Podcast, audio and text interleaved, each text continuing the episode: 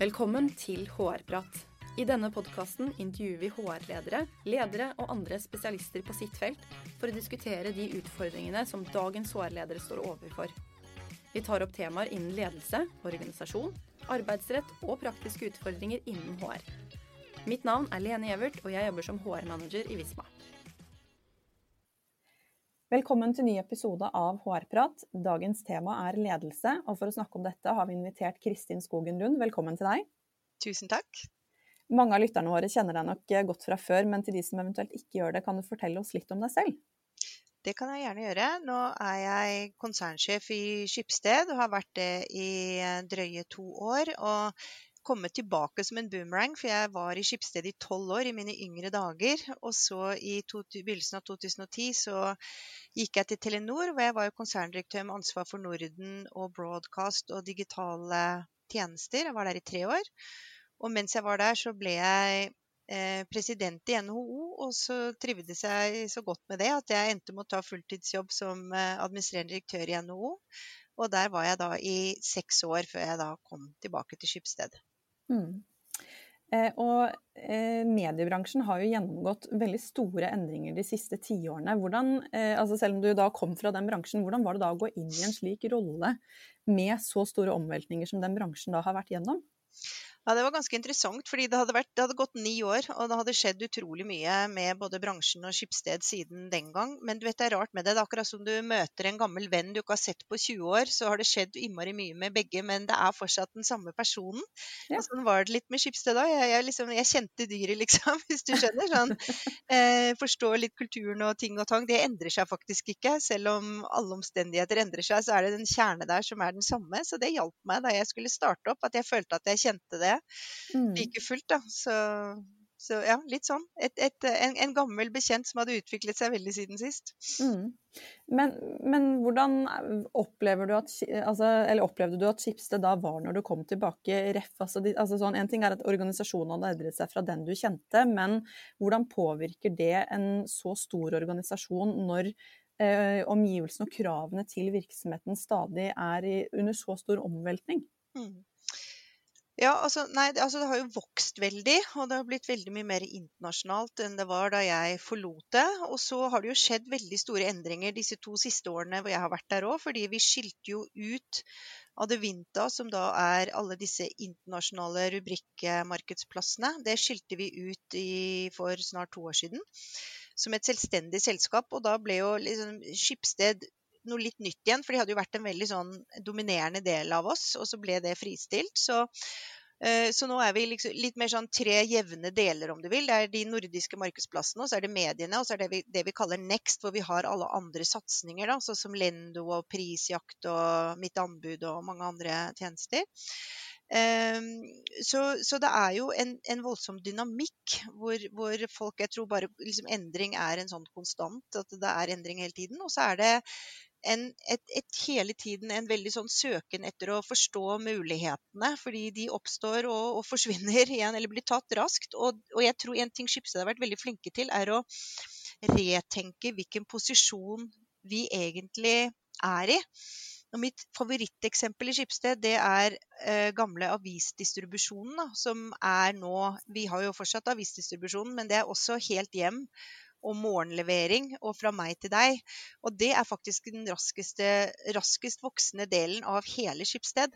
Og da tenker jeg at for noen få år siden så var de i stand til å ikke tenke på seg selv som en døende papiravisbransje, men en gryende e-commerce-bransje. Og det har noe med mindset å gjøre. og mm. retenke hvilken posisjon du egentlig er i.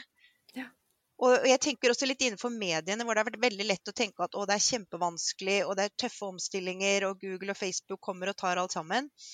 Men fader heller, tenk deg den digitale distribusjonen vi har. ikke sant? Vi har daglig kontakt med 80% av Norge og Sveriges befolkning. altså Hvem er det som har det? Det er, helt, det er en helt mm. fantastisk situasjon.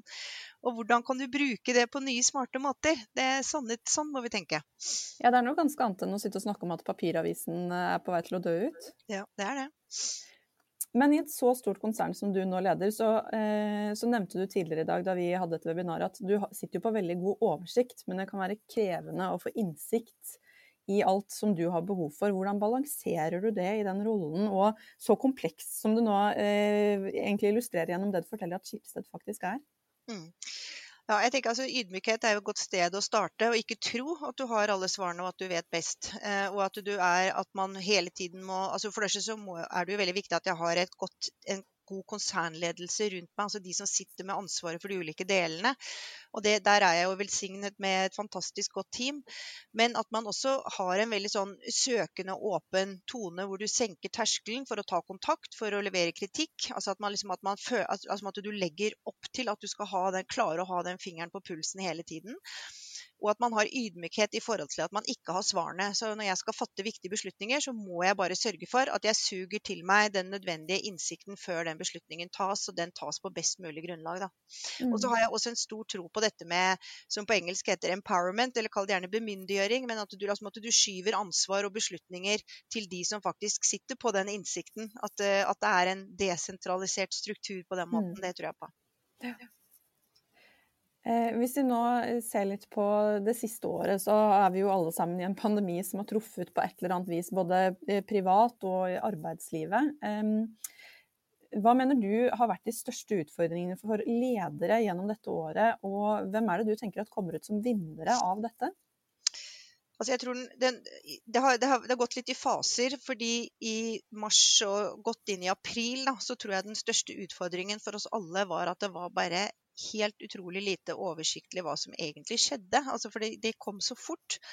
Og for mange av oss, også for oss som jo, hvor, hvor som mange vet, senere har det endt opp med å gå ganske bra for Skipsted gjennom pandemien, mm. men i starten så var det brutalt. Hvor liksom alle annonser forsvinner, og folk slutter å handle boliger og, og biler, og ingen skal ansette noen på Finn. Og, altså liksom, det var veldig mange av våre forretningsområder som blødde noe helt forferdelig de første ukene.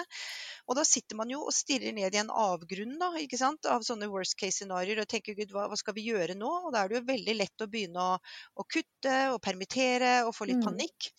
Og så eh, klarte vi heldigvis å tenke at nei, vet du hva, nå vi skal også legges til at vi hadde en ganske solid balanse, da. Så vi var, en, vi var liksom ikke i en krise fra før av da dette inntraff. Men like fullt så tenkte vi at nei, nå skal vi ha alle mann til dekk. Og ikke skape noe sånn A- og B-lag, at vi trenger noen og ikke alle og sånn. Nå er det liksom, nå er det oss mot pandemien. Og det, var, det høres jo så riktig ut nå, men det var ikke så enkelt å beslutte det da når vi tapte såpass mye. Men mm. gud, så glad jeg er for at vi turte det. Så det der, jeg tenker at det der med å tørre å gå litt motstrøms og ikke få panikk, og tenke hva er det egentlig som er viktig nå, hva er det liksom fundamentalt grunnleggende vi må satse på, og så heller bruke en sånn krise faktisk, faktisk, til å ta noen grep. Da. Vi kjøpte jo eBay i sommer. Det var liksom, det største kjøpet som, som, kanskje er gjort av et norsk privat selskap noen gang. Så det, det, det, gjorde vi, liksom. Så det er noe med å tørre å tenke kontrært, da. Mm. Men når vet man at man går riktig når man går motstrøms? Altså det, det kan jo slå feil også? Det kan det, men, men, det handler jo om at du vet jo, du, man vet jo litt hva som er grunnleggende riktig for ens, for ens, eh, business videre. og det er klart Det du da må tro på, er jo at det er et liv etter krisen. ikke sant? Og så må du mm. posisjonere deg i forhold til det. Eh, og, og, ikke bli helt blendet av det akutte, da, men prøve å se på det langsiktig underliggende. For det, er, det endrer seg ikke så fundamentalt. Eh, det som sant, er riktig for Skipsted, som var riktig for Skipsted i 2019, vil fortsatt være det i 2021 og 2022. Det er noe med det. Mm. Men, men, hva er det som blir viktig for dere nå fremover? Altså, nå vet vi jo ikke helt nøyaktig hvor lenge dette varer. Hva, hva, tenker du blir viktig for dere som organisasjon å fokusere på nå frem til ja, holdt på å si dette går over, det gjør det vel kanskje ikke helt. Men eh, Nei. til vi har på en måte kommet til en ny, ny normal, hvis man skal kalle det det.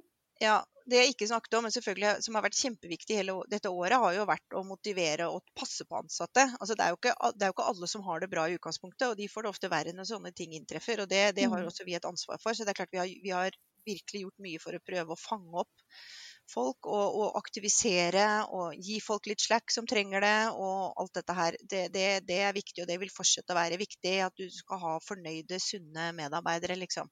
Mm. Eh, men hvis du ser på det litt mer sånn forretningsmessig, så, eh, så er det veldig viktig å forstå nå en del underliggende trender som forsterkes av pandemien. E-handel er jo en sånn en. Og vi sant, ser på bl.a. med grunnlaget i Helt hjem og denne distribusjonen som vi har, da, hvordan vi kan kanskje bruke den posisjonen til å bli en enda sterkere og bedre tilrettelegger for e-handel. Vi skal ikke bli en e, vi skal ikke bli en e-handler selv, men vi kan ha systemer som gjør at det at det, at det, blir gode kundereiser ut av, av den økende e-handelen vi ser. Mm. Eh, fintech er et annet sånt område som vi satser på.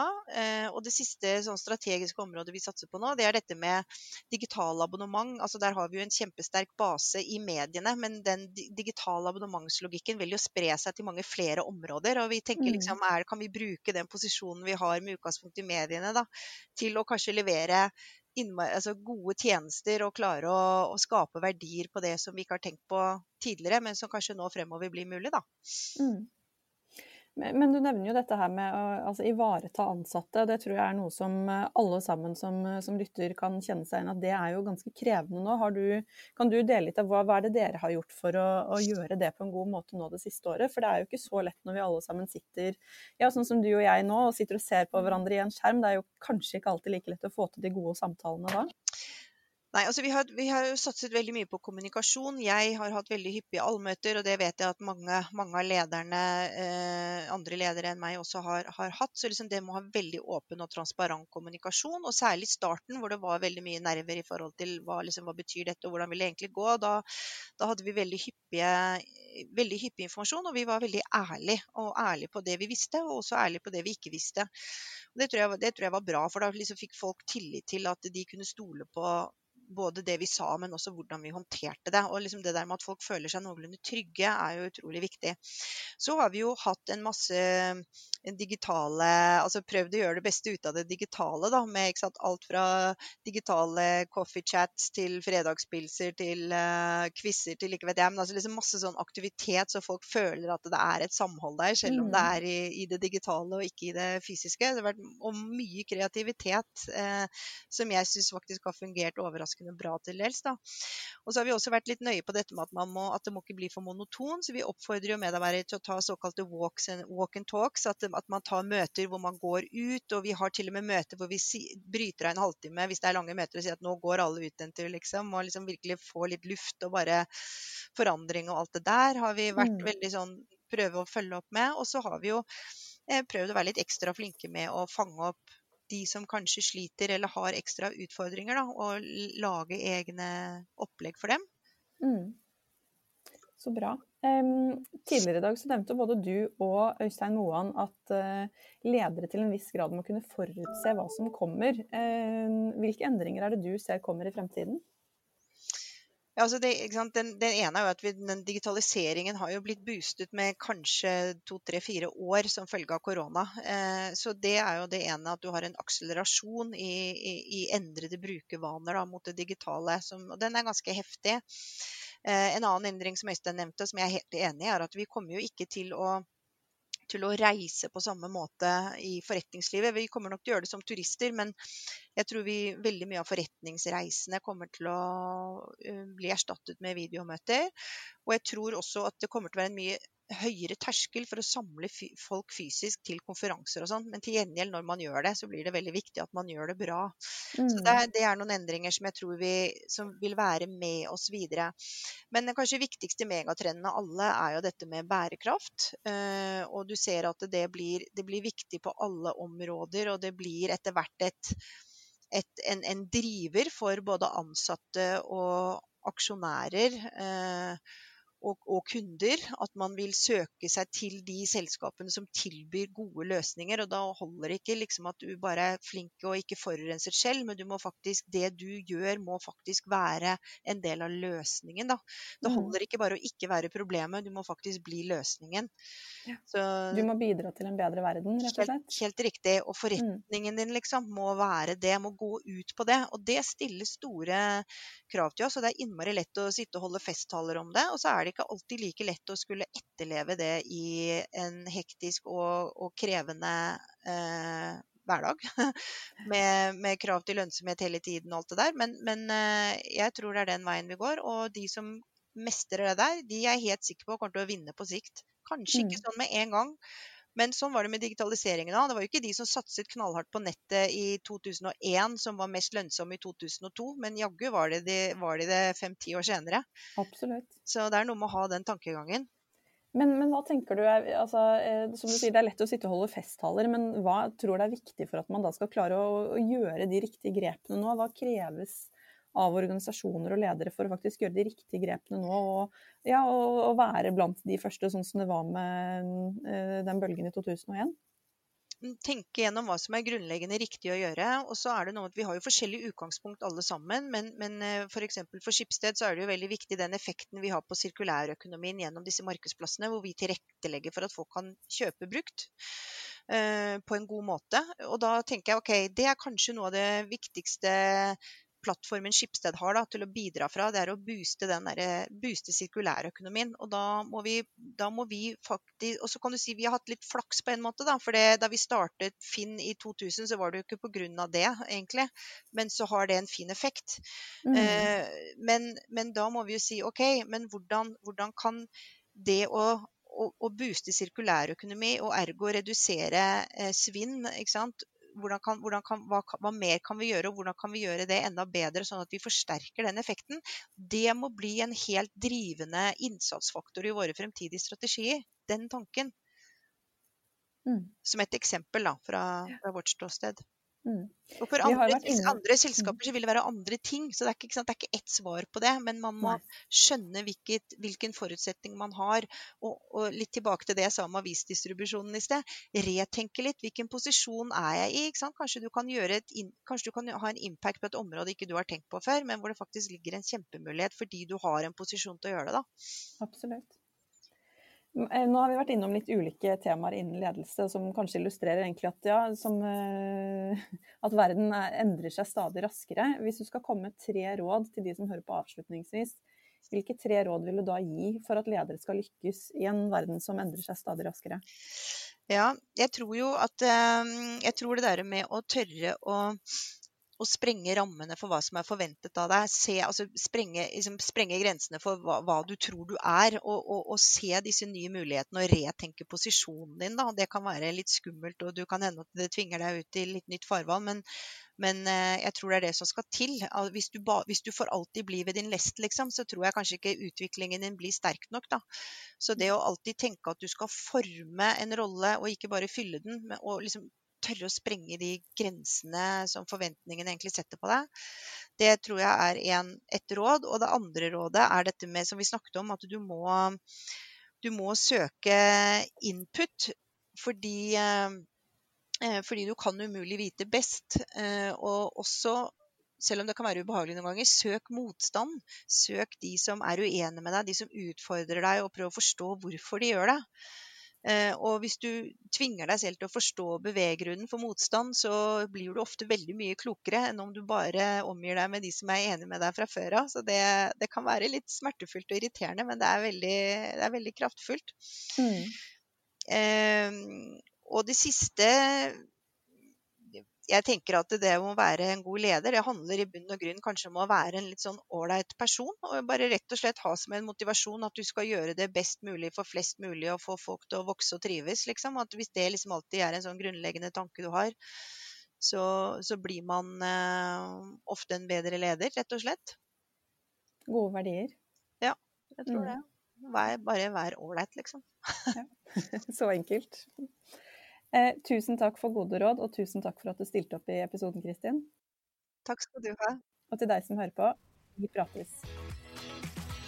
Hvis du har temaer eller spørsmål du ønsker vi skal diskutere, send oss gjerne en mail på hrprat.visma.com. Og for flere episoder, sjekk ut visma.no slash podkast slash hrprat.